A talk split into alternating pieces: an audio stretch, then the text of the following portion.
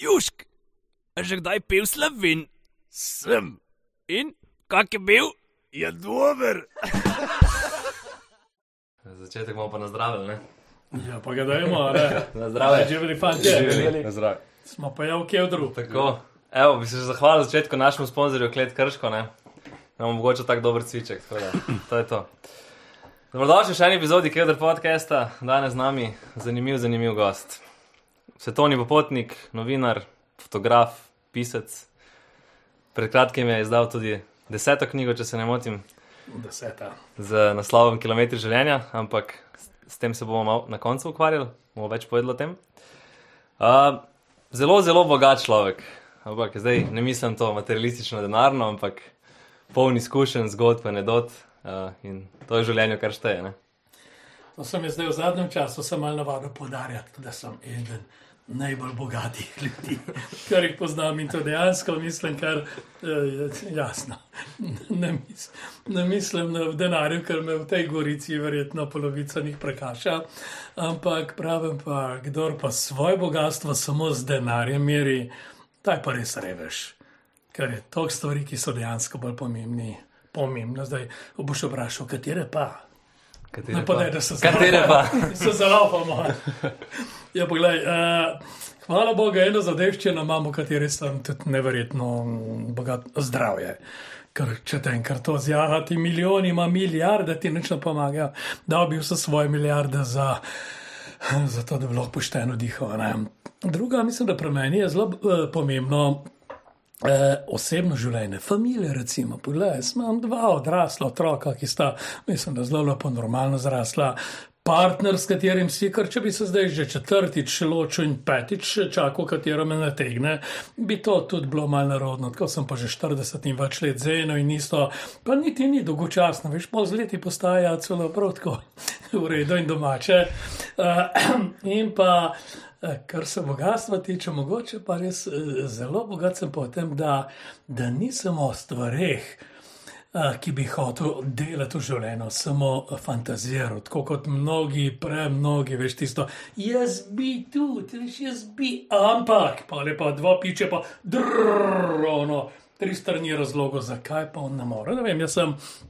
Že kot otrok, oziroma potem mladinec, kot otrok, niti ne kar na kmetih, ko smo pomislili, kaj je sveta. Ne. Kot mladinec sem pa seveda klasično že malo fantaziral, jaz bi pa podval. Ne. In eto, na koncu, koncu zdaj, zdaj pridem sem pa sem svetovni popotnik, pa eni pravijo že legenda, ne, kar pomeni, da sem že tam nekje pri koncu, ne, ampak vseeno pomeni, da sem tisto, kar sem si res zastavil za nek eh, življenjski cilj, oziroma niti ne cilj, ampak kar sem si želel, sem tudi živel.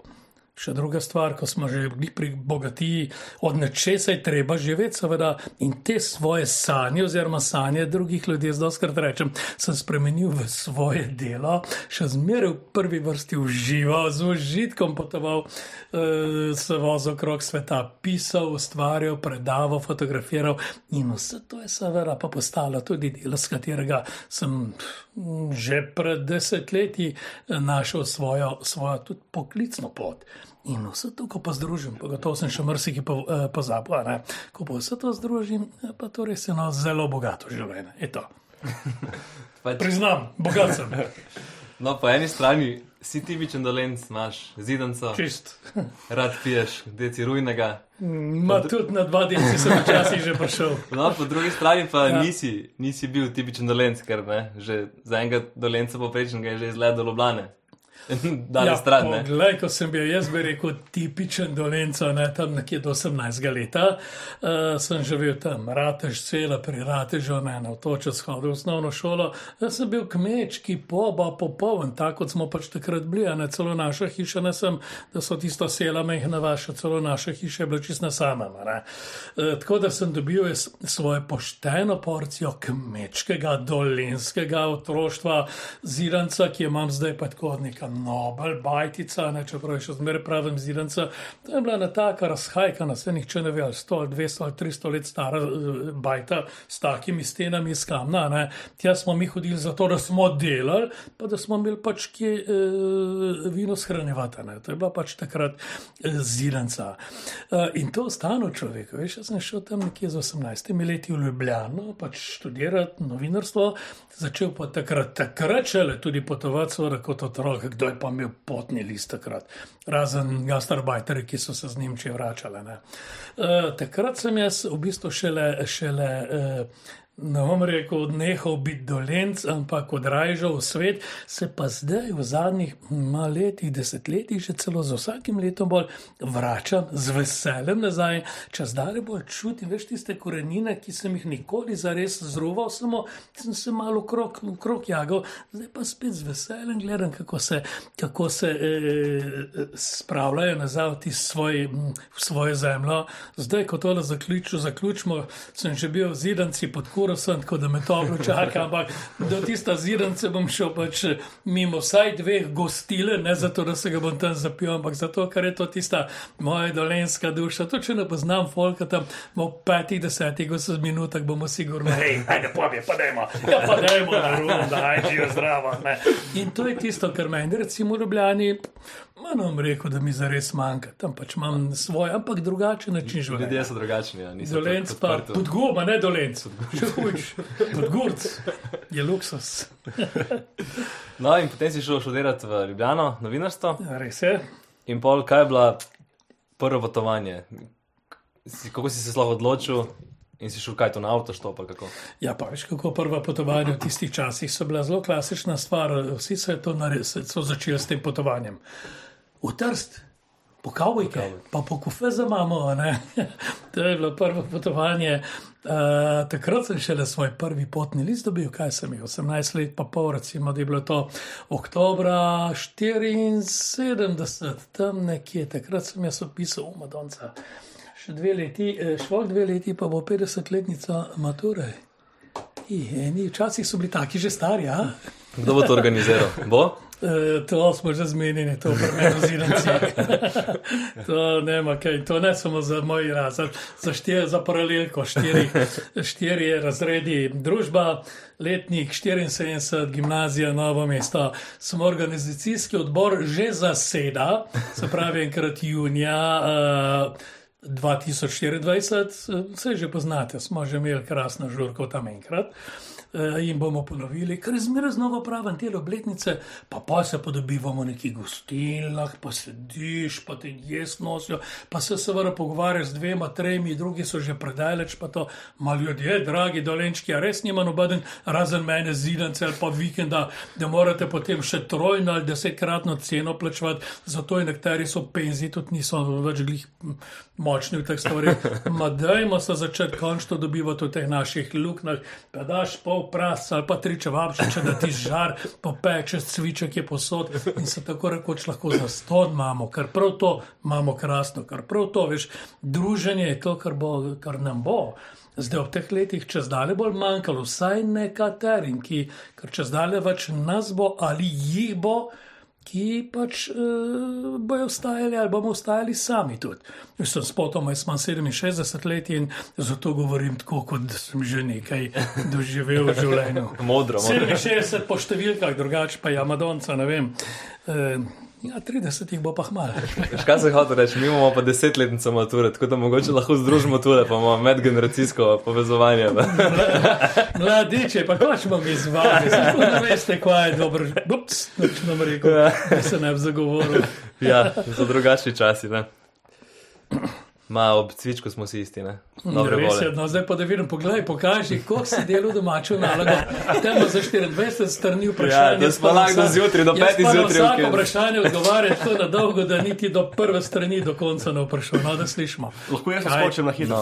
No. Um, okay, omenil si, se prav prvo potovanje v Italijo po kavbojke kavo. Kaj pa prvo, tako malo večje potovanje, kako je bilo tu, pač, kako si sploh zbral denar, da pač yeah. Ne bi šlo jih ni bilo tako, neka pocen zadeva, ne greš jih na Hrvaško ali pa kaj, ampak Najbrž No. tudi finančno nekako Tudi malo. to ni bilo kakšno daljše potovanje. Prvo je bilo recimo po prvem letniku faksa. E, takrat smo najdlje, kar nam je, nam je nekako segla tista, tista domišljija, je bila Evropa, avtoštop ali pa interrail z vlakom po Evropi. In seveda tisto prvo leto sem je šel, ma to je bilo tri tedne, avtoštop, Pariz, London, Amsterdam, pa nazaj. To je bilo že kar tako resna tura, ne? zdaj seveda, zdaj so vsak usede na avionček, pa gre cak, cak, cak. Takrat je bila neka avantura. Ampak eh, nečkaj, da bi s tem rekel, takrat, takrat sem pa začutil sebe kot svetovnega popotnika. V bistvu šele potem, leto zatem, naslednji, eh, naslednje poletje, vmes sem jaz pridno študiral, naredil sem v tem času, ne vem, vsaj en letnik, v dveh letnih faksa. ne. Naslednje poletje sem šel pa spet nekaj po Evropi, pa gor čez Severna Afrika, Maroko, Alžirija, Tunizija, pa čez Italijo nazaj. To je bila pa že taka, bi rekel, malo daljša tura. Maroko je takrat bil sicer tako že neka meka za naše frike, bolj so tja hodili zaradi zakajanja, kaj potegnjen, moram reči, da sem kružil, eno nisem zares kadil. Še zdaj, če hočejo družbi, da se režijo, moram jaz potegniti, kar skašljam, seveda ni. Skratka, to ni bil nikoli razlog mojih potovanj. Probal sem par stvari, pa sem ugotovil, da, da ma če se ga hoče zatoč, daj ti meni liter cvička ali pa da mi pier, pa pier, šnopc papir, pa bom vedel vsaj kako in kaj se mm, s tem pomagata. Ne. No in eh, potem, veš, ta- takrat pa mogoče, da mi je že prijelo, takrat sem celo prvo serijo reportaž že objavil z te poti Severna Afrika na avtoštop. To je bilo takrat že kar konkretna eksotika pri nas in tisto jesen, namesto da bi pisal tretji letnik, sem jaz lepo zapauziral in sem šel za štiri mesece spet na avtoštop proti Indiji, se pravi čez Turčijo, Iran, Pakistan, Indija in severno enkrat spomladi nazaj. In iz tega je nastala pa res skoraj že ena taka potovalna, konkretna izkušnja in nastala so potem tudi že serije reportaž, ki sem jih objavljal. V teh naših glavnih, takrat je bil ITD, ITD ilustrirani tednik dela, potem je bila Žejana, potem je bil Telex, pol čez leta je bil Zagrebski start, ki je bil nekako najbolj pomemben jugoslovanski cajtek, kupi, kupi časopisov. Kjer sem se začel pojavljati, ker gotovo so, da sem pismen, pa celo slika, da znam nekaj. Ne? Uh, in s tem so se pa začele moje potovanje, veš, tiste mladostne želje, so se začele prepletati že s preomenjenim delom. Jaz sem od tega nekaj zaslužil, potegnil, se začel za silo preživljati, čeprav osnova, s katero sem sploh začel potovati, je bila pa fotografija. Že v gimnaziji sem se začel Oprosti, hotel vprašati, ja? tvoj prvi fotoaparat. Eh, Bereta, Bereta, vzhodno-nemški, za 26 tisoč dinarjev sem ga kupil v tretjem letniku gimnazije, jeseni. Eh, 24 tisoč je bila moja štipendija takrat? In eh, doma so gledali, pa ko mečeš denar, tega si ga ni bilo, jaz sem takrat že sam se preživljal nekako, ne? kakšen denar, celo štipendijo sem v tem vrhu, kakšen fotoaparat. Ampak poglej, tisti aparat je bil osnova v bistvu tudi mojega, uh, mojega nadaljevanja življenja. Veš, s tistim fotoaparatom sem se res vesel, da je bil zadnji fičen, ker res ni bilo pomoči finančne, kje pa od doma, ni, ni bilo. E, e, da, dajal v filme, potem sem se nabavil že povečevalnik, sam razvijal. Potem sem pa začel, poli bi pa že naslednji zorki, boljši fotoaparat, sem začel pa slikati kole, poroke, pogrebe, že kot gimnazic, po šolah slikati razrede, ne vem, dobil par sto učencev, ki sem jih slikal, cele noči doma razvijal, še kot gimnazic, po noč v kuhinji, ko so šli vsi spat, sem jaz slike delal in s tem začel sebe preživljati. In to je sploh tista osnova, da sem lahko začel potovati, kar sicer.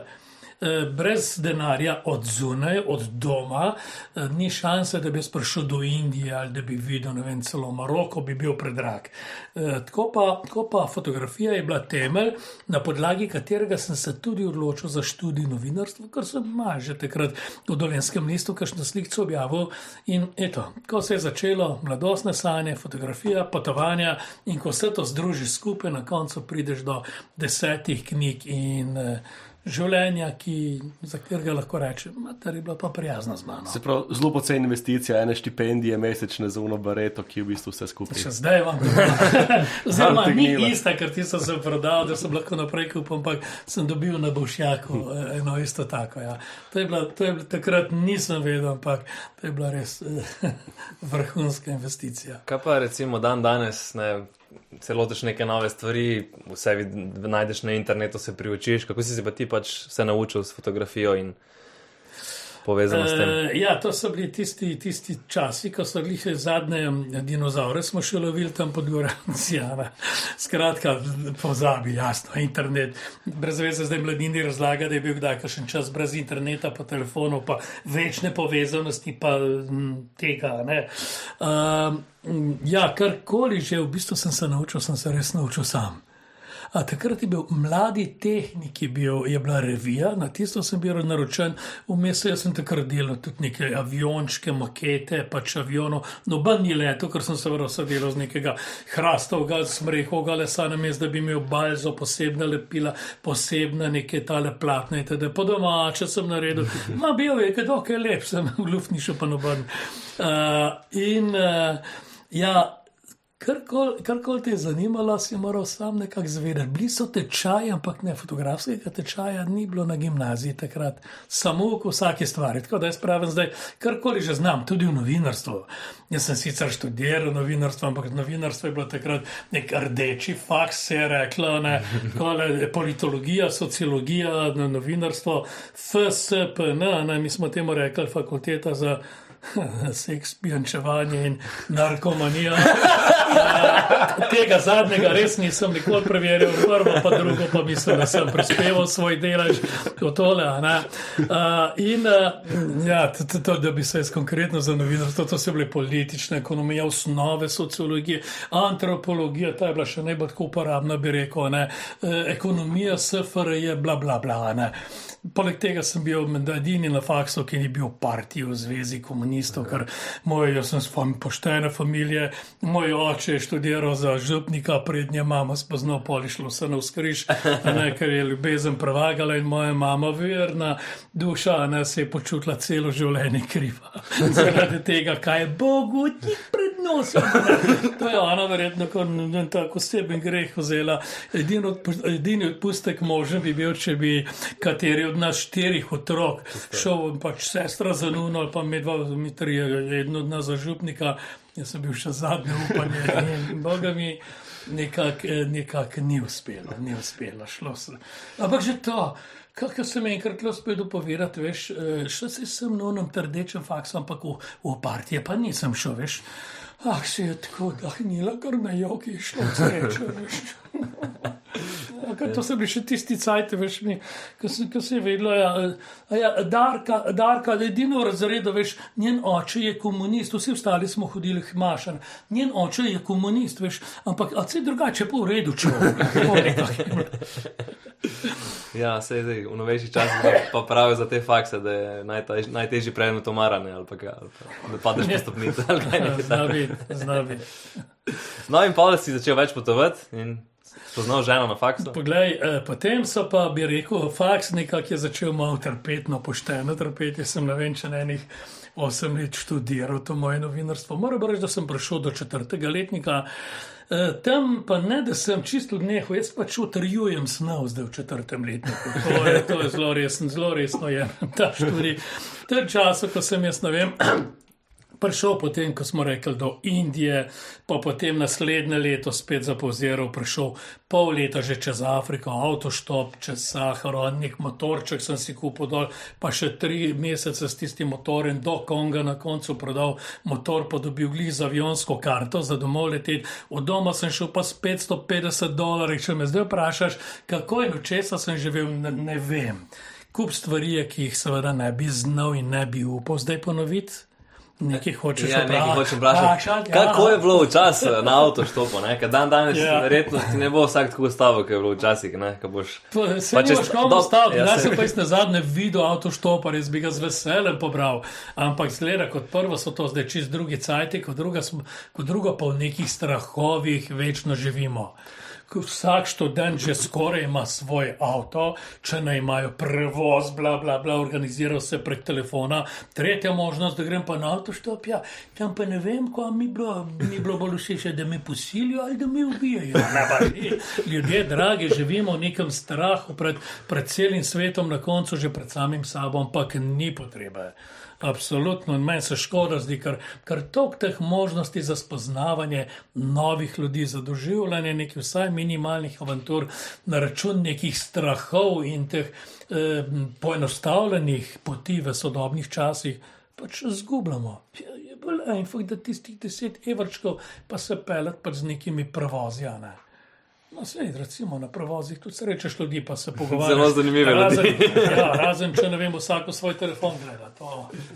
Uh, pol, ne vem, kaj sem prej hotel povedati, ampak gremo naprej, ker ti imaš še njih. Oh, 40 strani. Meljav, meljav že. Povej, ne, ne, ne, dajmo če. Ja, dajmo, daj, jaz sem prazen, Ja, ga, se moram- a, Moram se jaz spomniti, no, kako že, eh, hvala sponzor. Še pa A ja, je povej, dober, je dober.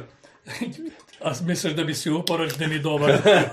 Ne, dober je jasna, da je jasna stvar. da je. Zdrav. V končni fazi smo pa ob cvičku gor rasli in, na, če ne bilo takrat bolj šmarenca, cviček je bil za prodaj. Vsaj vsi te iz drugih pokrajin zabavajo dolence. Cviček, cviček, piješ cviček. Ja, pijem Ja. cviček, je zato, ker je dober. ne. Prodamo, prodamo ga pa toliko in to po visoki ceni, da vi nas kar zafrkavite. Istočasno ga pa kupujete po 4 evre. a? Dobro. Dobro je. No, naj, največ si pa obisko Afriko, ne? Ja, Afrika je postala potem tole, tole, moja ljubica. Uh, ampak v bistvu še prej, preden sem se pa zares, kole, bi rekel, navezal na Afriko. Je šlo, prišlo pa do tistega zaresnega potovanja. Prej si že omenil neko deklico, ki, ki sem jo srečal, in potem. Eh, Kjer zdaj? Ja, Nekaj velikih je bilo. Uh,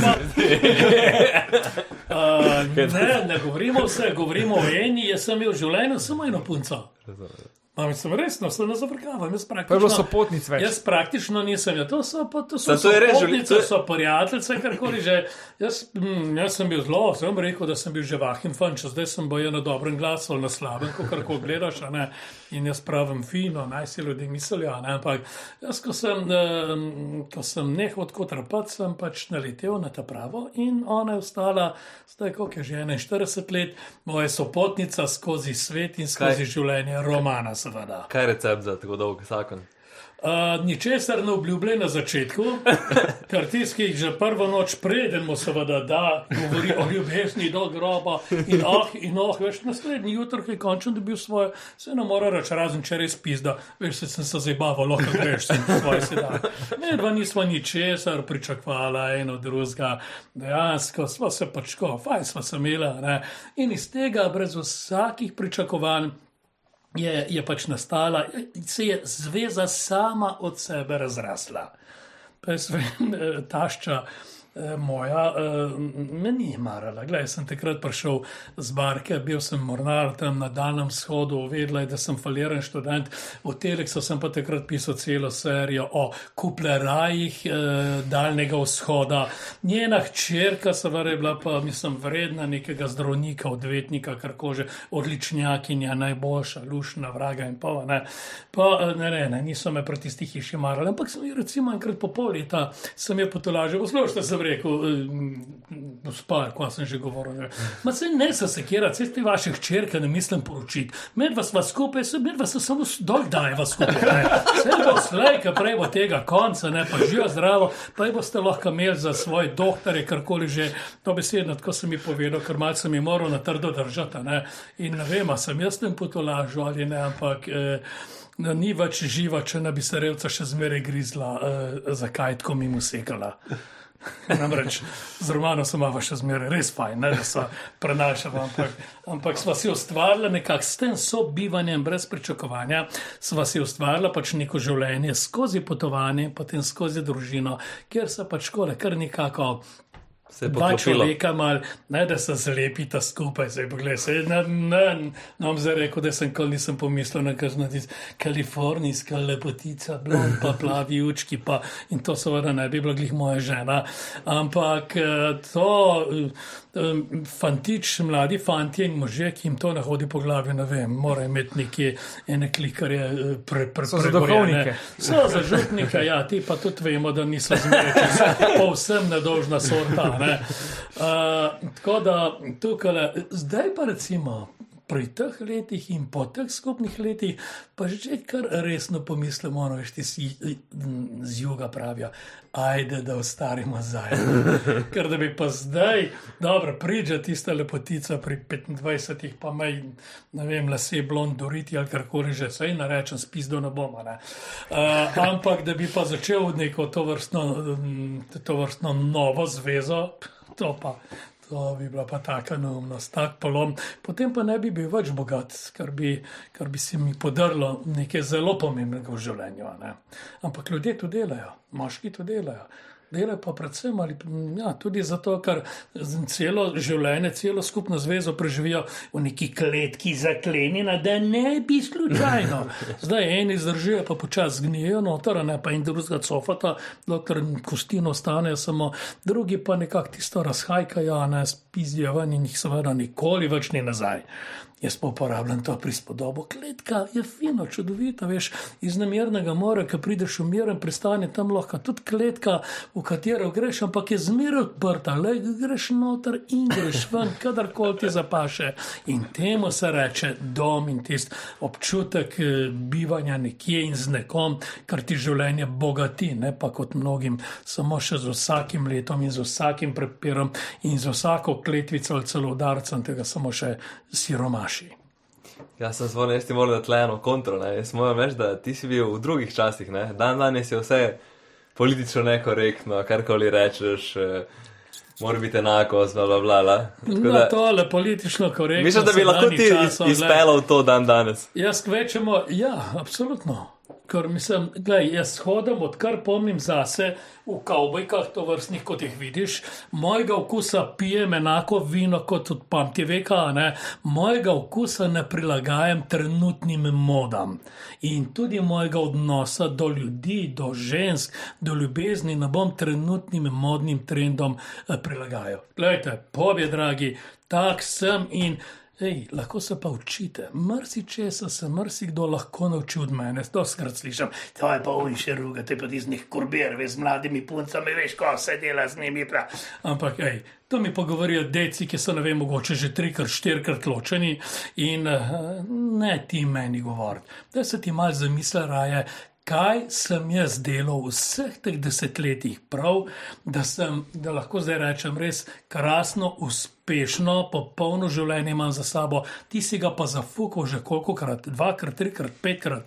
In ti boš meni učil, to so tako kot neki guruji, ki najprej ej, imamo polno teh prodajalcev, megle, ampak to so skoraj da praviloma, ali, pa- ali pa bi rekel, brez izjeme ljudje, ki so svoje življenje razhajkali ne vem koliko krat skozi ločevanje, skozi ne vem kakšne duhovne bolečine, skozi depresije, skozi vraga in pol, in potem na teh svojih razvalinah so se začeli spet sestavljati nekje pod Himalajo, nekje v indijskih ašramih, nekje pri, pri, pri nekih gurujih tam v bratu že. tu v Zagrebu. Ja, ja, poslušajte, ljudje dragi.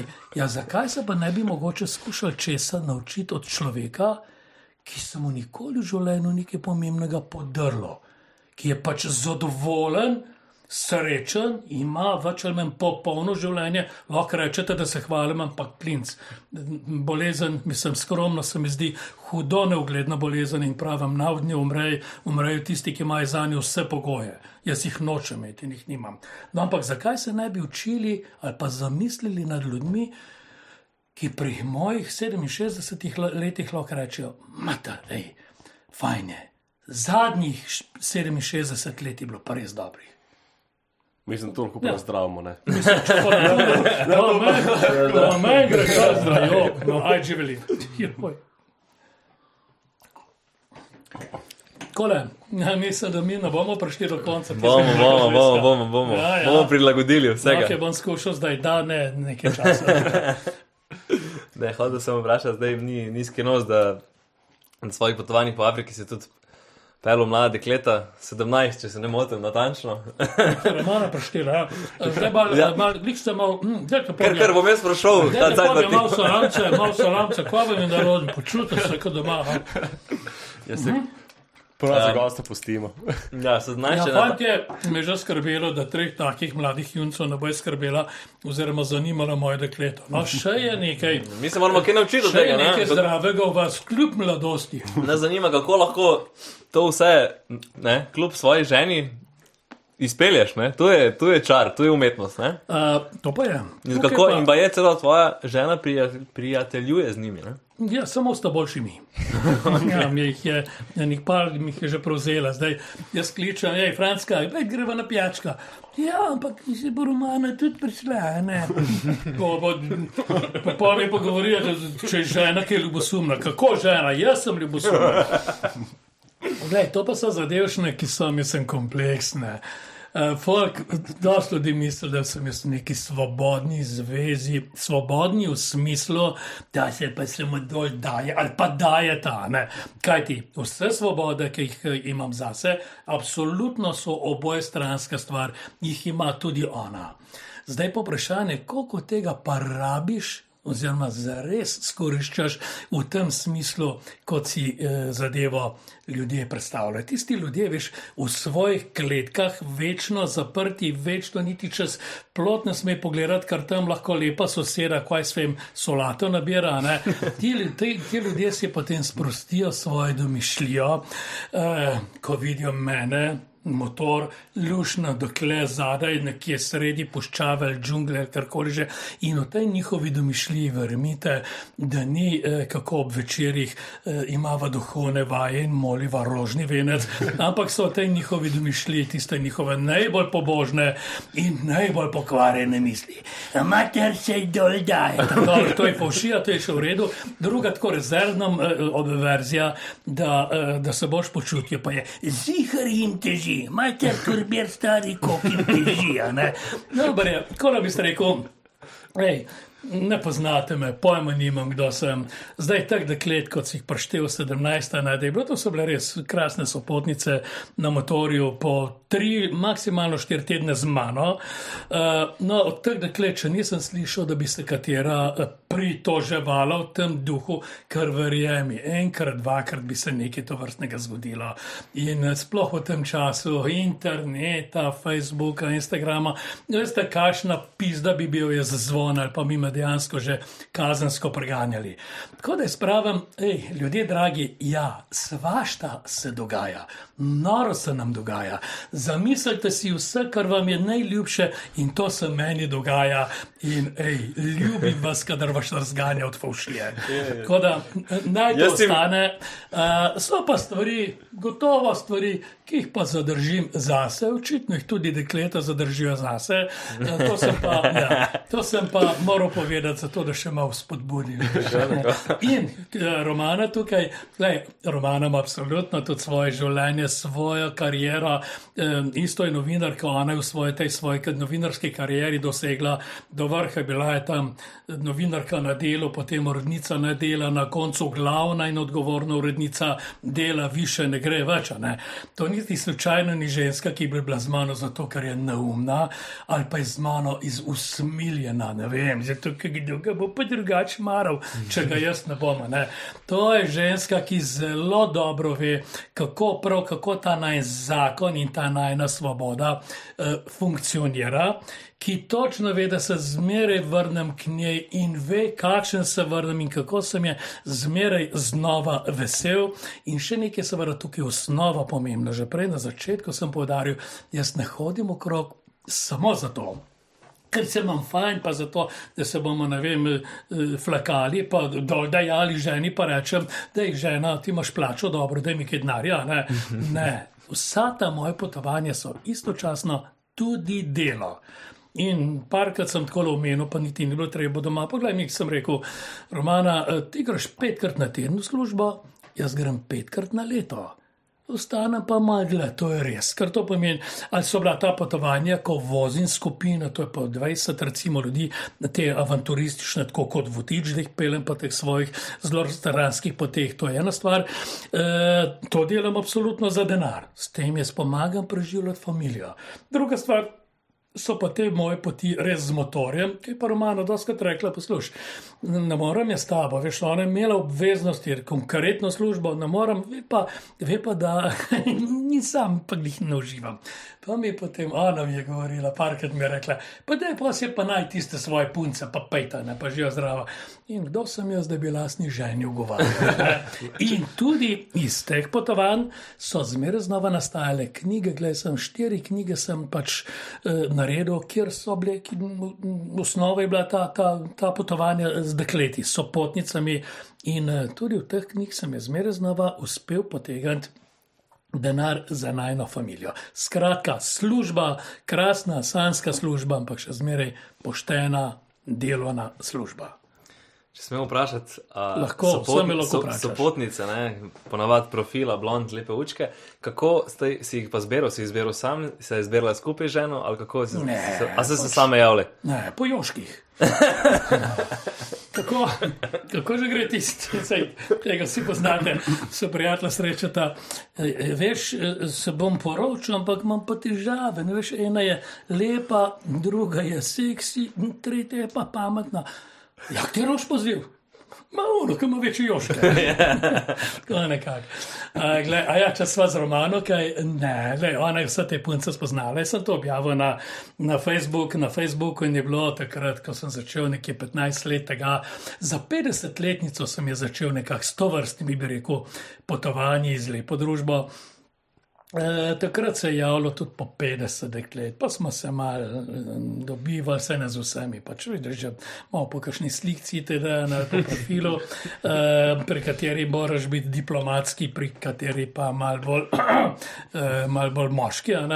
In uh, smo se tako spoznavali, da sem na koncu, recimo, če sem šel za štiri mesece, pa sem tri, štiri, tako po tri tedne, več, ne več, ker nočem se niti zaljubljati, ni, ne iščem ljubice, sem povdarjal, eh, še manj se hočem kregati z nekom, ki je absolutno ni kompatibilen z mano.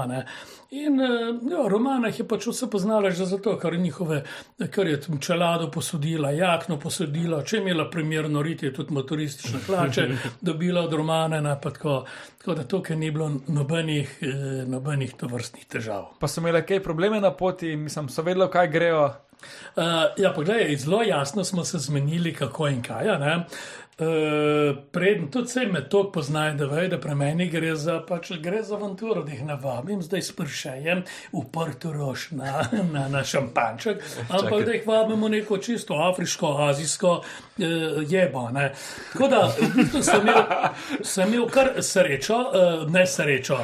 Uh, v glavnem so bila ta prava dekleta, recimo, pogledaj, od 17 lahko rečem, da jih je vsaj tako polovica res, da so še zdaj, da smo res prijatelji, prijateljice z nekaterimi, se dobivamo, seveda vse so šli potem v svoje življenje, hvala Bogu, imajo nekatere zdaj svoje otroke, svoje družine ne? in so še zmeraj nekatere med njimi tiste te glavne, bi rekel, eh, naše družinske prijateljice, tudi romanjine. Uh, v bistvu samo z dvema se nisem, nisem ujel do te mere, da smo se na poti ločili, ampak tako zlepa. Eh, brez kakšnih papirov, ne vem, kakšnih eh, hudih zamer, kar koli, ampak dejansko ni šlo. In kaj ni šlo? Zanimivo. Mene pa, mene pa dejansko zelo moti, veš, če pa pridejo, pridejo punce, prijavijo se na tako pot, ne vedo, da grejo z mano, hvala Bogu. Jaz jim včasih rečem, poglej, že res, da sem, vem, 30 let starejši od tebe, ampak ti nisi več otrok, jaz še nisem betežen starček, to je bilo včasih, ne, tako nekako. Ne? In ja, pridejo s strahom, ker so pa meni za malo zdi, veš, tisto, ono, da me ne bi slučajno, da me ne bi karkoli že pri takih zelo pazem, da se ne bi komovca dotaknil. Ampak veš, ko oni začnejo graditi svoj plot, gre z mano, v bistvu me skorišča, ker imam motor, ker imam znanje, imam izkušnje, finančno delimo strogo pol po, ona kupi avionsko karto, stroške na poti se deliva, pa ampak to je še zmeraj najcenejši, eh, najnižja cena za najboljši možni način potovanja. Vidim, da me skoriščajo. Takrat pa tudi meni ti moj ponos udari ven, eh, gradim svoje, veš, svoje planke okrog sebe, da je drago, ne cvika, da te bom zdaj tukaj posilil, oziroma da te bom lovil po kaktusih, pa po palmah, ne bom te. In ko po desetih dneh, recimo, ugotoviš, da, da to res nima smisla, ne? da na mesto, da bi si zgradila nek odnos, neko prijateljstvo, se vse bolj oddaljujeva. Potem sem jaz v prvem primeru bila to takratna mis Slovenije, eh, ki sem jaz predlagal, da bi šla ti domov. Ja, prosim, je rekla. Ne? Druga sva pa v bistvu tako rekoč istočasno nekje po dveh tednih rekla ti, da je peva na razen. Ja, ni problema, greva na razen. Skratka, to je zelo dober procent pozitivnih odnosov, kar eh, žal v današnjem času, ko gre tam nekje polovica zakonov, ki temeljijo na ljubezni do groba, vsak od njih, ne eh, polovica gre na razen, Boga mi, jaz sem od, 12, od 17 deklet samo z dvema se ločil, pa še to zlepa. Od vsake od njih. In še enkrat podarjam, to sta bili tisti dve, ki pa, pri katerih sem pa res od prvega trenutka pazil, da se ne bi slučajno dotaknil, ker sem prav čutil ta njen strah. Kako pa v štartu, sploh, da, ste da si se odločil za motor, da bi Ja. z motorjem potoval? Pa se to je tista najbolj klasična, bi rekel, um, mladostna, um, mladostna želja ali fantazija, žal v mnogih primerih, uh, potovanja. Motor, a ne, pobi, a bi, a bi, recimo, res tukaj, a bi vas to zanimalo? Jaz, bi šel, bi šel z avtom. rajši. Z avtom. No, ampak tudi naj, tudi naj slabo. Uh, in še nekaj manjka, še tretja stvar, če imaš, že imaš potovanja, avantura. Ženska. motor, še eno. Pa pa še ena huda beba, zdaj, ja, vas pa popolni. Ja, pa povje, pa zakaj pa samo fantazirate uh, o tem. Upam, da ne. No, jaz sem vse to naredil, sem ne vem, pač kako, mogoče sem pa Ne, sem tak imel kdaj butel- mogoče željo, da bi z avtom probil, da bi videl, kako je z avtom. Pa ni, veš, kako je z avtom. Jaz sem si zdaj, sva si z Romano letos nabavila pač avtodom in bova začela odkrivati kole Evropo, malo širši krok Evrope z avtodomom. Sva že zelo stara, recimo, za to in zelo stara za Evropo. Jaz je ne poznam. Ampak, eh, poglej, v naših letih smo največ molarije, kaj smo gledali? Gledali smo kavbojke. In kavbojki, kavboji so bili frajerji. a ne? Glej, A so se kavboji kdaj prepeljali s kočijo ali pa z vlakom? Niso, se kavboji niso. so prijahali na konju. In motor je v današnjem času najboljši približek tistega nekdanjega konja in šotora sredi puščava ali spalne vreče, kjerkoli že. Skratka, motor je včasih eh, čista jeba, ne? lepa beseda, zanimiva, uh, ampak je pa istočasno sinonim za avanturo, ki ti lahko uh, no, skozi užitke, skozi sanske ovinke eh, pripele do sanskih krajev, vmes pa lahko včasih zmrzuješ in si mokar kamaček in se čohaš po glavi in se rečeš, a res, da moram in če može, ampak poglej, avantura, v kateri so, eh, gre vse samo idilično in idealno, to, to je avantura. Čeprav hudo Afrika ti z vremenom kar eh, prizanese.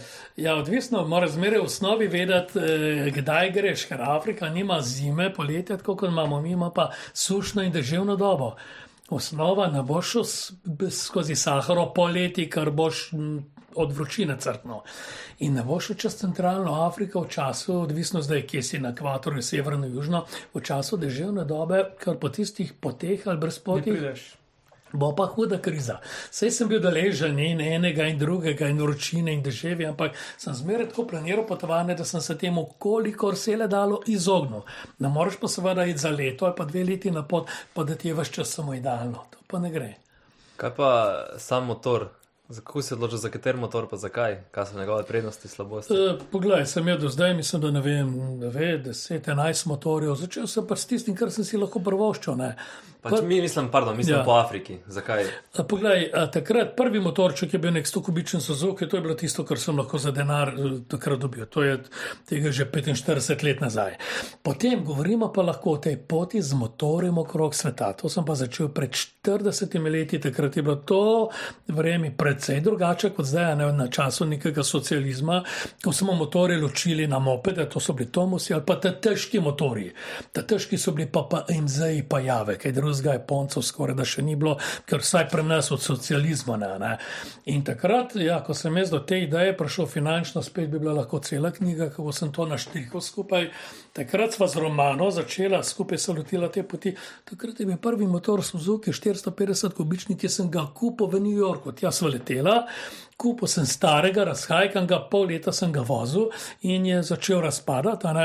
In sem potem ponovno v Ameriki, pač vmes sem bil iz Mehike, znan, nove zgodbe. V Ameriki potem tri mesece delal na poščavskih poljih, dol v Jumi uh, in uh, kupil spet mm, božga Suzuki, rabljenega še zmeraj, ne, s katerim sem potem naredil centralno, pa Južno Ameriko, prišel potem domov. Eno leto bil doma spet denar, zbiral, eh, pisal knjigo. In takrat je pa že nekako BMW postal mal eh, pozoren na me, BMW takrat Tehno Unijo je bil voznik in so mi v bistvu oni za polovično ceno eh, prodali pač ko rabljenega BMW, to je bil 800 GS, pač prvi v tej seriji, bi rekel, teh hm, zdaj že legendarnih GS motorjev. No? In po tistem sem pa jaz imel, mislim, da njih šest ali sedem BMW-jev, tudi zdajšnji je BMW motor. Uh, ki ne bom trdil, da je to najboljši, tako kot to edini, neuničljiv. Jaz sem veliko krat dokazal, da niti slučajno ni neuničljiv. Tudi zato je zanimivo, da me BMW eh, slovenski, vsaj Kedla nisem niti segal, že 15 let ne marajo, ker sem jim v Afriki ene trikrat razhajal motor in iz tega je bila knjiga in televizijska serija in vrag, vraga in pol in, in sem zdaj tako rekoč, no, rekel, da na črni listi, ampak shajamo en brez drugega, skratka. Ampak še vedno pa na BMW-ju. S- Še zmeraj sem na BMW-ju, zakaj? Ker je to v redu motor, pač vajen sem ga na mojo dušo in pač nekako eh, nekak pisana, ne?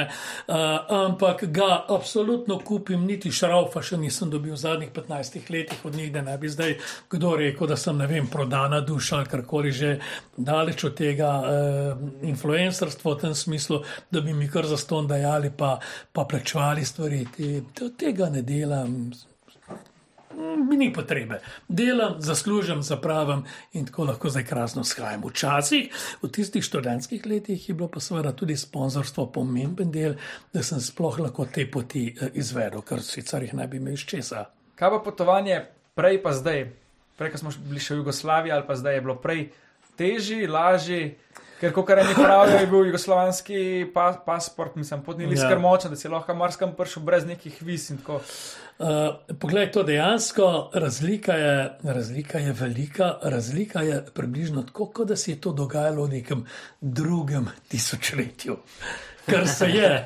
Ampak včasih pa pomislim, da je približno razlika taka, kot da je bilo to pred tisoč leti. Predvsem zaradi vseh teh sodobnih tehnologij, ki, zdaj, ki so v tem času nastale. Ne zdaj, motor je več ali manj, ja, saj so močnejši, karkoli že, je več ali manj enako.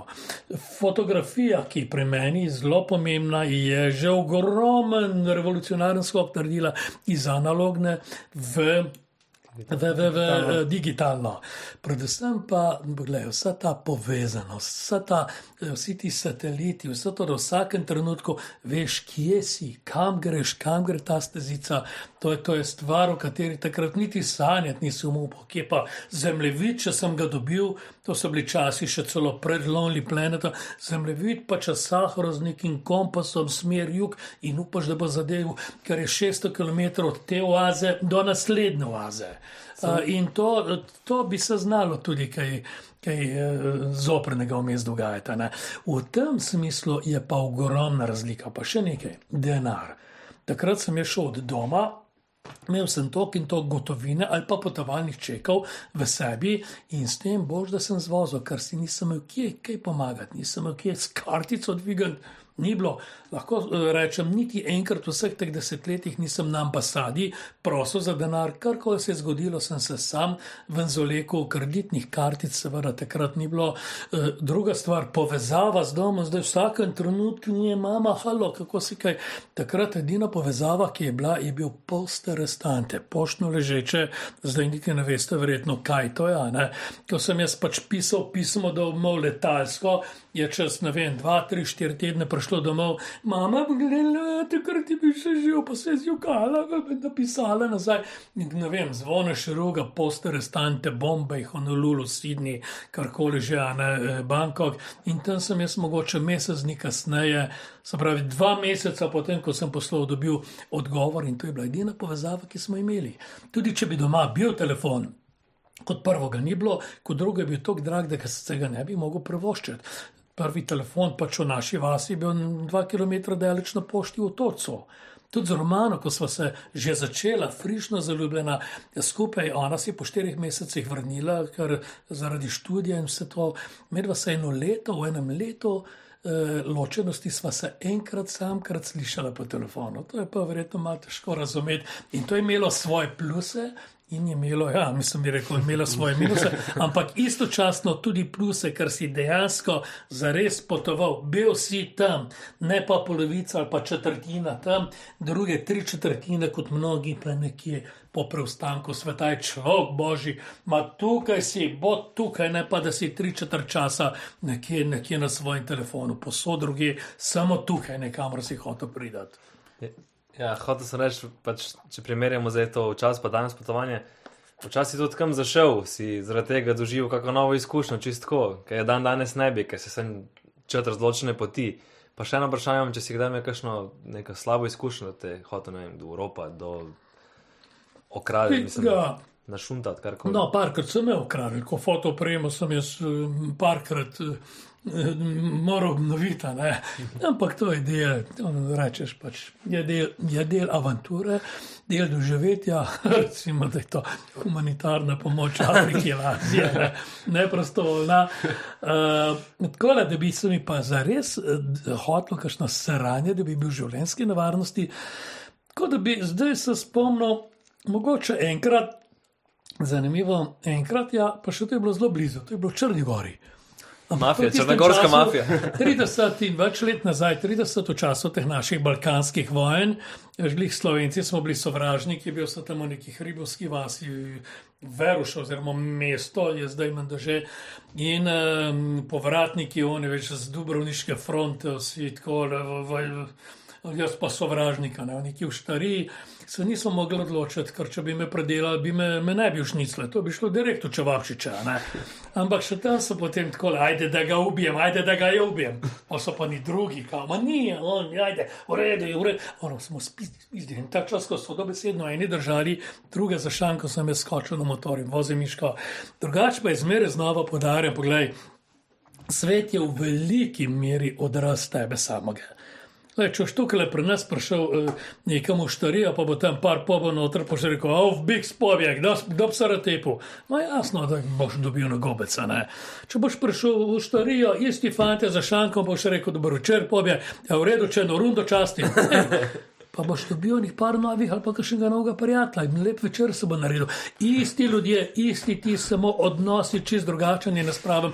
Če si z njimi, če si z ljudmi prijazen in to znam biti, potem bojo tudi oni do tebe taki. Ja, To se pa pije.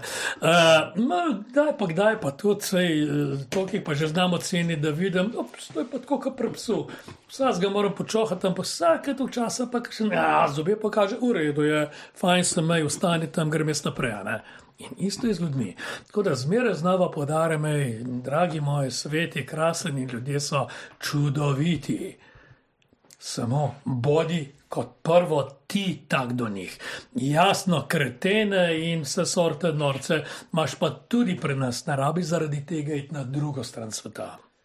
Kako pa tudi Afrika? Kaj, tam, mislim, kaj te je najbolj privlači par Afrike, da, da si se tokrat vrnil? Zakaj Ja, ni bila ne vem, eh, Azija ali karkoli Nekako je, uh, očitno sem tako malo bolj avanturistična sorta. In Afrika je še zmeraj tisti konkretni, jaz bi temu rekel, trda sorta eksotike. Azija, Latinska Amerika, to je mehkejša verzija, bistveno lažje, kup stvari pač organizirati, dobiti, prevozi, eh, je bolj civilizirano. Kaj pa Bližnji vzhod? z mnogimi, poglej, z mnogimi uh, razlikami, z mnogimi izjemami, sploh če govorimo o Aziji. Ej, Azija je toliko različnih svetov, točen bližnji arabski, muslimanski svet. Drugo hindujska Indija, tretjo naprej Kitajska, na jugu recimo Indonezija, Rusija, vse to je Azija. centralna To, to so, ja, to. ja, to je, poglej, to so kot, to so kot povsem različne galaksije, včasih planeti, karkoli že. Ne moreš zdaj nikakor ne moreš reči, a kakšna je Azija ali pa kakšna je Afrika. Afrika so tam, poleg 57 držav, so to tisoče različnih ljudstv, plemen in, je, eh, in v vsakem posebej lahko delaš debele knjige antropoloških raziskav, pa jim še ne boš do dna prišel. ne. Ampak imaš verjetno še tudi najljubši del Afrike. Ja, uh, to, to je tako vprašanje, ki ga zmeraj znova dobivam, pa sem se pa že nekako odločil, moram si nekaj eno državo zbrati, uh, ki bo vsaj približno tam na vrhu in to je Namibija. V Namibijo se zmeraj znova z velikim veseljem vračam, to je plac, ki je tako lepoščavska država, dol na jugu, jugovzhodu Afrike, Zahodu. jugozahodu Afrike, Southwest Afrika je bila včasih to, ja. Eh, In tja tudi vozim z največjim veseljem skupine. Recimo, sem 25 let tako živel eh, od tega, da sem recimo petkrat na leto pelal skupine takole po teh svojih avanturističnih poteh. Zdaj sem že leto in pol veseli penzionist, dajem prednost nekaterim drugim stvarem, ampak Namibijo pa še zmeraj vozim. Namibijo obvladamo nulo, bil sem 40 krat dol, poleg tega imam Ludvika, kuharja, moj prijatelj, naš profi kuhar, ki gre z mano in mislim, to je jeep. Živimo zunaj v gmajni, šotori, ogenj zvečer, niti plina nimam Čebriček, sabo. nek čebriček. čebriček, absolutno je zelo pomemben del vsega Kaj pa tega. je čebriček? Pa naj si ljudje zamislijo, kaj to je. To je nekaj, kar gre tako v krogu od enega do drugega in po dveh, treh eh, to vrstnih krogih so ljudje eh, Boljše čez dalje volje. bolj eh, lušni, čez dalje bolj prijazni, še tisti sitni, ki so cel dan nekako hoteli držati, reče, uf, kako so lepe zvezde, zvone, s tabo bom pa še šel, dej, dej hitro tisti čebriček. No, to je čebriček, eh, recept pa naj ostane skrivnost, z mano pa je to Namibijo. Koliko ljudi pa gre naenkrat po Ja, Tako da 20 jih imam nekako um, omejitev, čeprav zdaj Rajman. letos, ne, um, raj več, letos jih je bilo dvakrat po 25, ker je toliko zanimanja. Da, da, pa, poglej, v Namibiji ni problem s številom, živimo v Gmajni. Placa je kot če 40 krat več od Slovenije, prebivalcev pa 2 milijona, pa še malo. Ne? Če imam kuharja sabo, njemu je čisto eno kuha za 10 ali za 30 ljudi, tako rekoč, oziroma vsi mu tudi pomagamo, vsak dan je drug avto dežurni. Tako da v bistvu sem ugotovil, večja je skupina, eh, boljša je tudi tako nekakšna družba, boljši so tako žuri, več imaš sorodnih, tako duš odkriješ v tisti večji skupini. eh, In tudi če je kdo tako malo čuden svet zase, pa smotan, karkoli že, ne, je to že bolj njegov problem. ne. Če ste pa-. Ja, če ste pa recimo ne vem, na, na jadrnici štiri, od tega je en malo čuden, je pa to problem za celo skupino.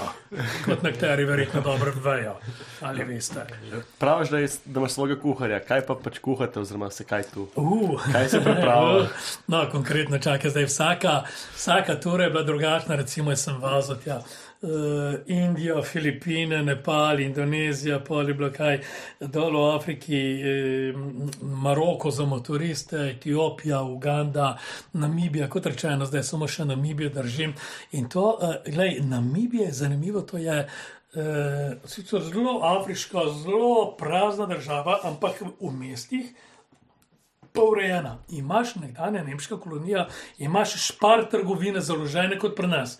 Tako da mi se tam založimo, jaz smo tam metrsko pravem trugu, kadaš noter dve, tri klade leda, pa gor meso, pijačo, zelenjavo, vraga in pol. ne. E, to so e, poudarek, moram reči, vse vegetarijanci to dobijo, kaj.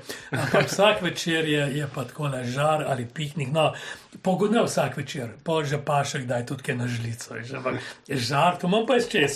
Tudi če je kuhar, žar imam jaz čez, ko so tam na tistem, na tem pravem akaciji, veš, ko se naredi žarjavka, pa daš gor tako le debele tiste ali govedino, ali pa divjačino, antilope, oriksi, oriksi, koduji, tudi kakšna zebra vmes. To so taki zelo, zelo, zelo kvalitetni kosi mesa. In moram reči, da živimo, kar se kaj. Kakšna pa je antilopa? Ja, Misel, poglej, se to je, saj, če bi ti jo zamešal z neko govedino, se niti ne bi čutil razlike. To v bistvu je nekje v osnovi je govedo, a ne razen. Pustimo zdaj detajle. Se mi kdaj še na led divjadi dol. Pa si pa mogel na zavarovalnici kle razlagati, da Ja, to ni bilo bistvu- srno, ampak V bistvu enkrat nam je en kodu, to je tako kot krava že, ne, nam je razbil avto, ker je tam kodu in rečejo, crazy kodu, zakaj crazy, nori kodu. Ker eh, on ne gleda kamere, on, on, on, on, on skoči iz grma direktno, ne da je avto povozil koduja. Kudu je podaril avto. Eh, kar je direktno iz strani naletel na njega, se prekotalil prek haube, razbil šipo, pa zvil haubo, padel na drugi strani in na tla. In to je bila družina. A ta mama pa dva mehna otroka, tam pet pa šest let. Ha, Si predstavljaš, kakšen šok je bil to? ne? A tak je mal vse prišel, tisto koduje ležal tam na tleh, a ne. Polon lut prebrata in gremo, takrat se kodu pobere, vozi miško naprej, za spominje pa in rok pustil, tako kot sablja je. Uh, oziroma, uh, ne, kodu ima tele, se pravi, da je bil Oriks, a ne. Oriks, kar so pa Oryx tudi sloni sablasto. nevarni dol. Kaj? ne? Da so tudi sloni nevarni, kar radi pustijo Po- blatne luže, pa če not ostaneš. Uh, niti ne, gledaj, pri slonih moraš zmeraj približati, moraš vedeti, da uh, dis, distanco, ki, ki jo on rabi. Uh, Doskrat, ko smo prehajali do njih, ampak držiš tistih par deset metrov in uh, nič te ne bo naredil. On bo šel svoj pot, če vidiš, veš, če začne proti tebi, ko gledati z ošesi, maha to, če veš, da je vznemiren, se pač umakneš nazaj. Sem pa parkrat, dvakrat gotovo tako recimo spal, ko sem bil z motorjem. Na tistih planjavah, ko je tako lepo noč, če reda slono šla mimo mene, dobesedno enkrat, ko ne vem, bi rekel, ne dva, tri metre stran od, šotora. V bistvu tako leglih neki lune, tako da vidiš tisto, kar če slišiš, potem odprem šotor, stojim, sedim na odzeno deklico, sem bil tako le, moram reči, ja.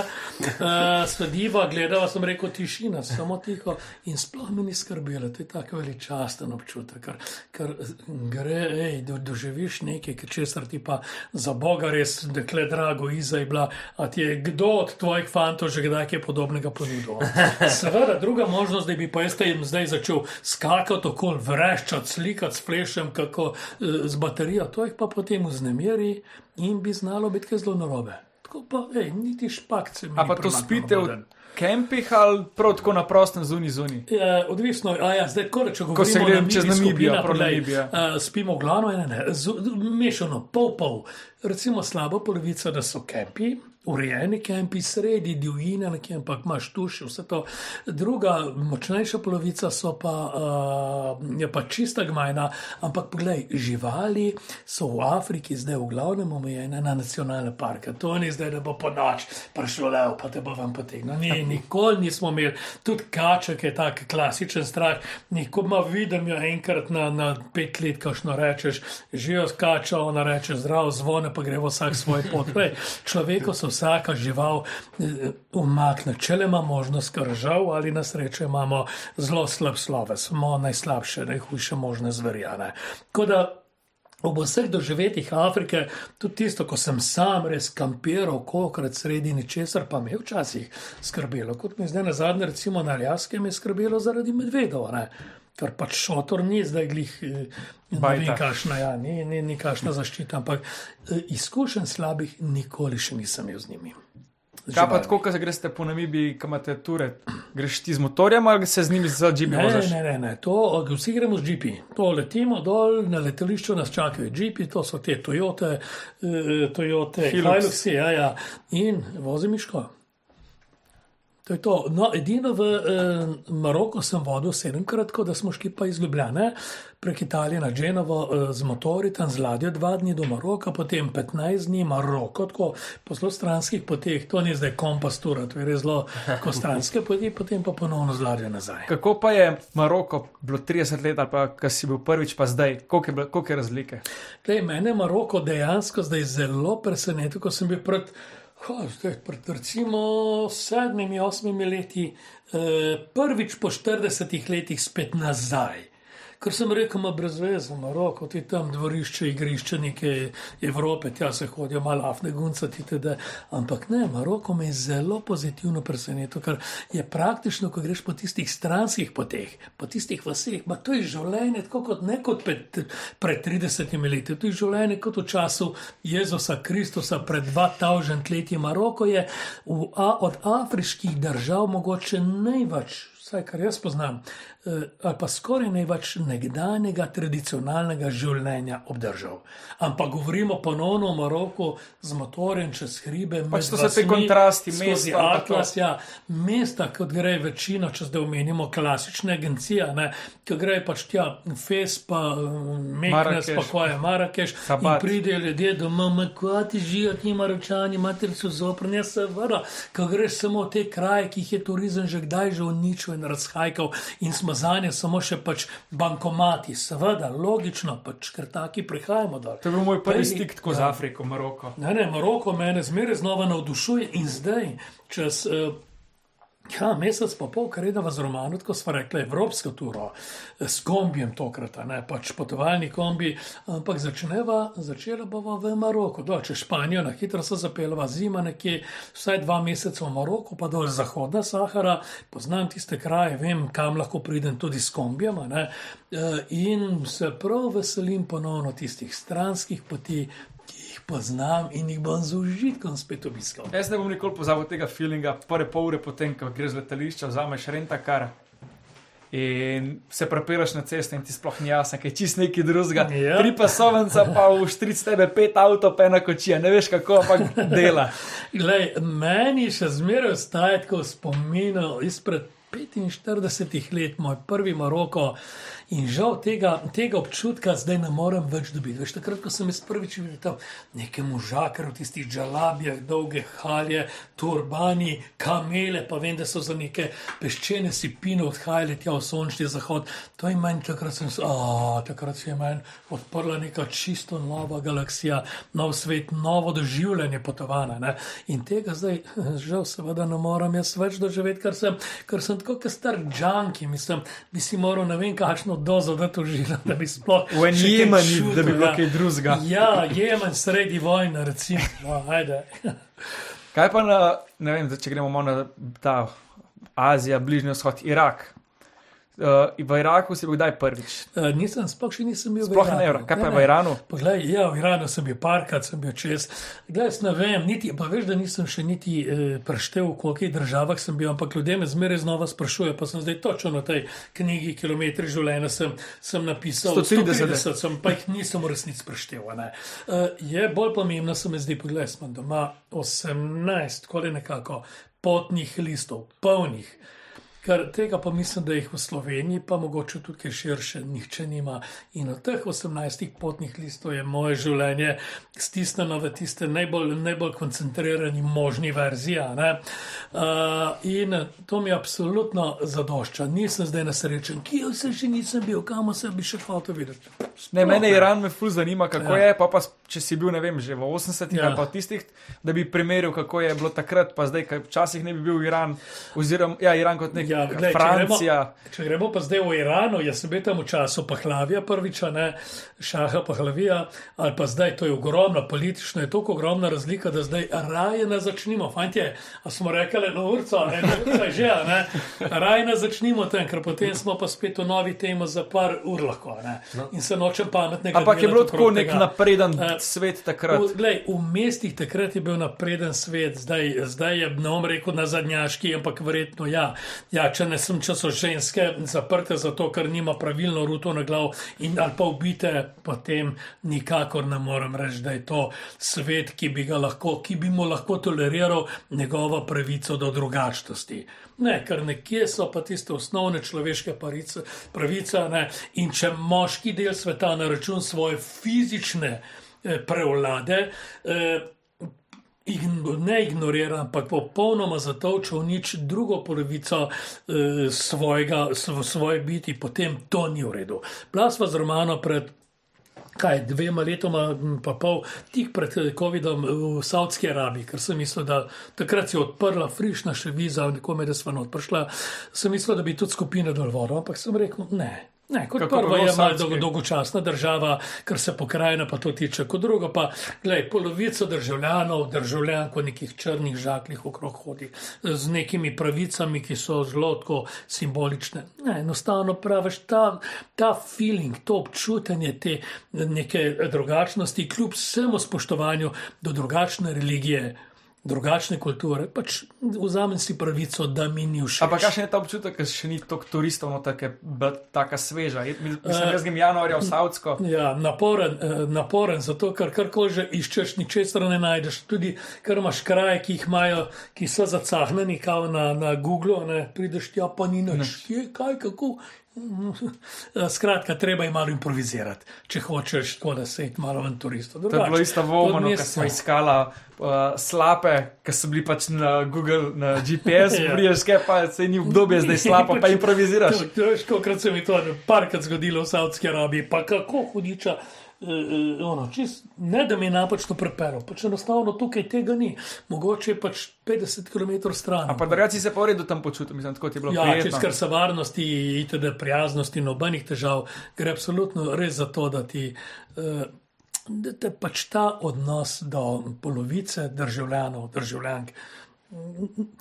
Ne morem se prisiliti v to, da bi mi bilo to všeč, da bi eh, pod nekim blagoslovom kulturnih razlik, religioznih razlik, da bi lahko to pač toleriral. Ni mi všeč, najvoh. Jaz bi se pa zdaj vrnil še malo, kar me najbolj zanima, plemena. Se pravi, gledal sem Poglej, ti mi raj povej, koliko imaš še tam, ker zdaj smo pa že čez eno uro. Ja, fantje, ne, ej, zdaj uradno to povemo, katero kamero. Jaz sem jaz kaj eno uro tako le govorim, pa veš, da se mi pol več ne da.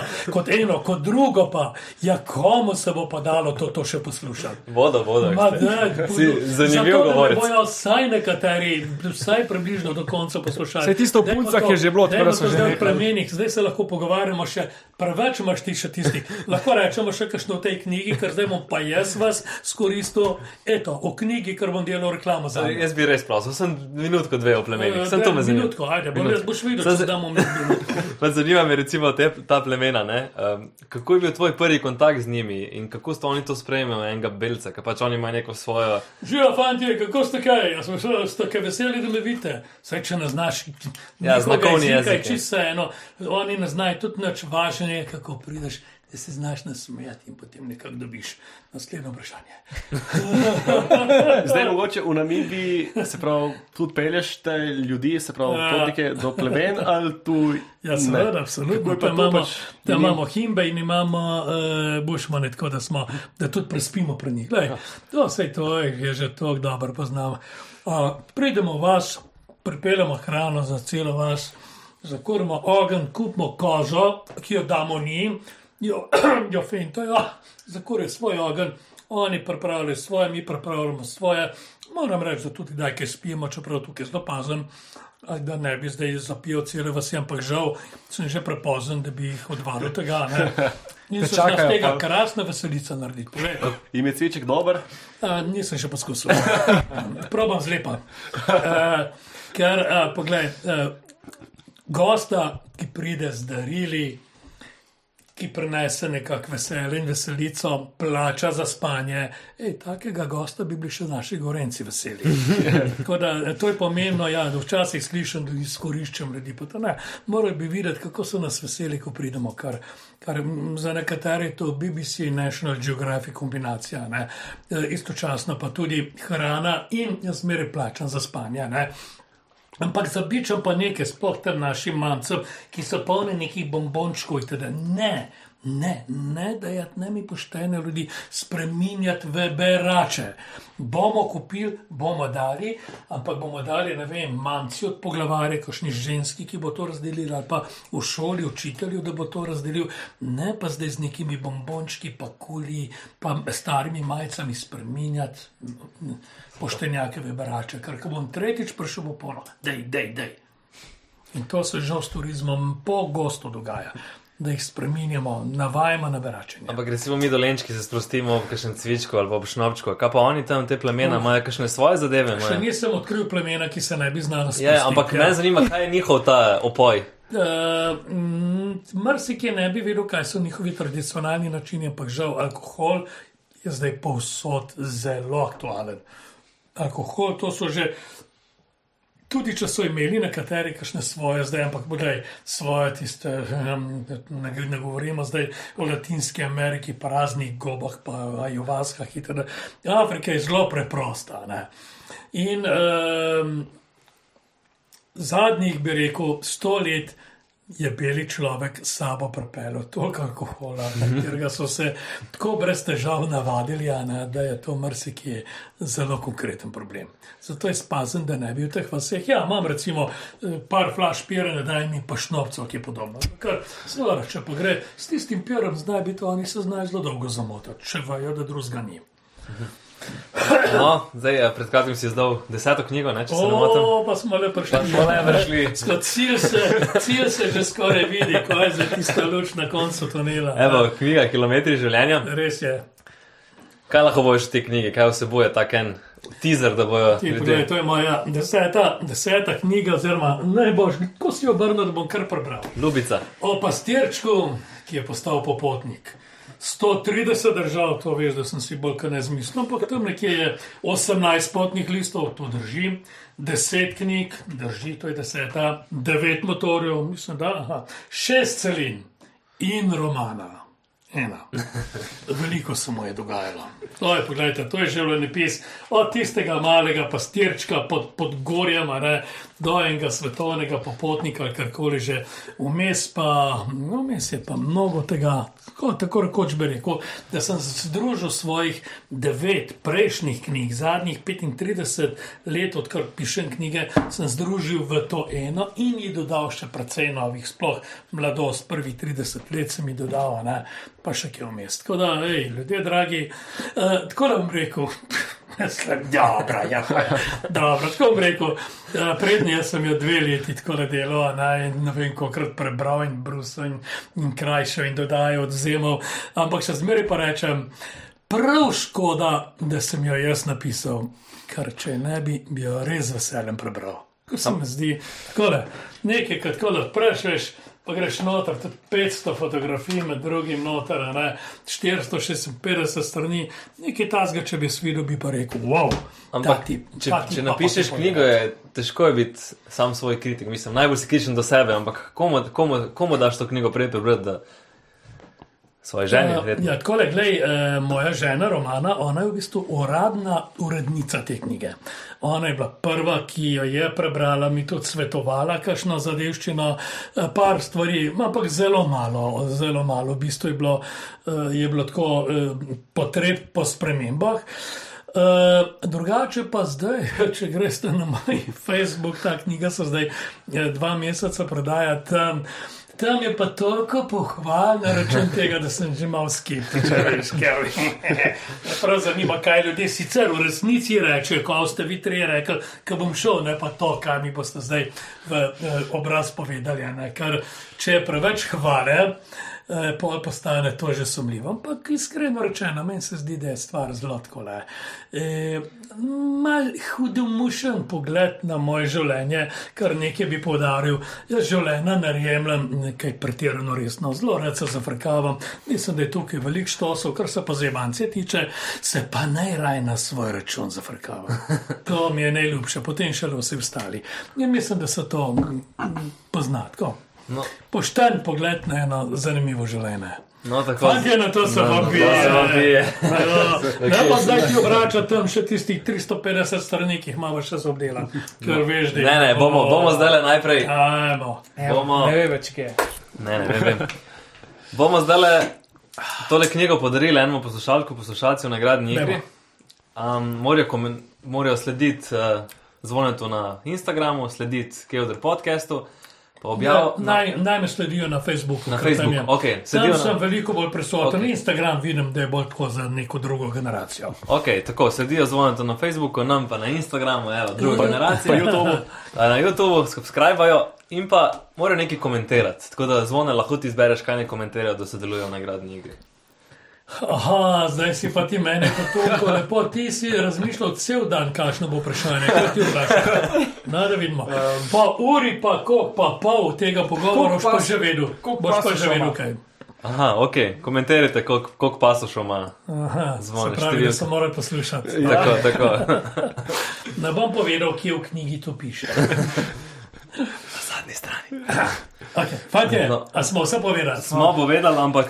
Evo, se pravi, followate na Facebooku, Kevder podcast na Instagramu, YouTubu in pa komentirajte, koliko potnih listov ima zvone, zdaj za Jasno, zaključek. čakaj, čakaj, čakaj, čakaj, krasno, ampak še to. Uh, knjigo sicer, ja, dobite zdaj tudi v, v knjigarnah, uh, drugače pa na www.zvonesruga.com bomo dali tam odhod. lahko naročite to zadevšno in dobite podpisan izvod na dom, pa še Podpisan. nekaj, pa podpisan. Bomo- bomo dali dol v opis videa. V knjigarnah ni podpisanega, pa še nekaj, to pa skoraj moram povedati, ker na to pa sem ponosen. Poglejte, to je zdaj ponatis, v dveh mesecih je to ponatis, kar prvi izid, 2000 komadov, kar je za Slovenijo tam nekje trikrat, štirikrat več kot popreče, je pošel, preden je sploh knjiga izšla, samo naročila pač na mene.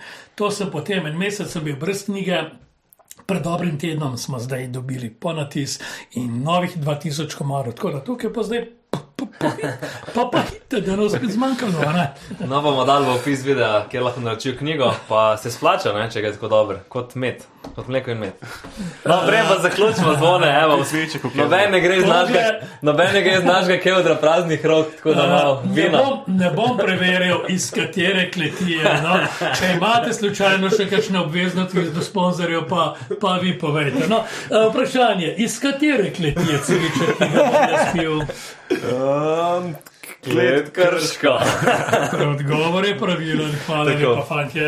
Še enkrat hvala, da si prišel zvone. Joj. Mislim, tako avto- avtohtono območje, mislim, ob- tako. Evo, za, za, posodi, aj za, za živeli. zaključek že. Hvala. Živeli. Zdravo.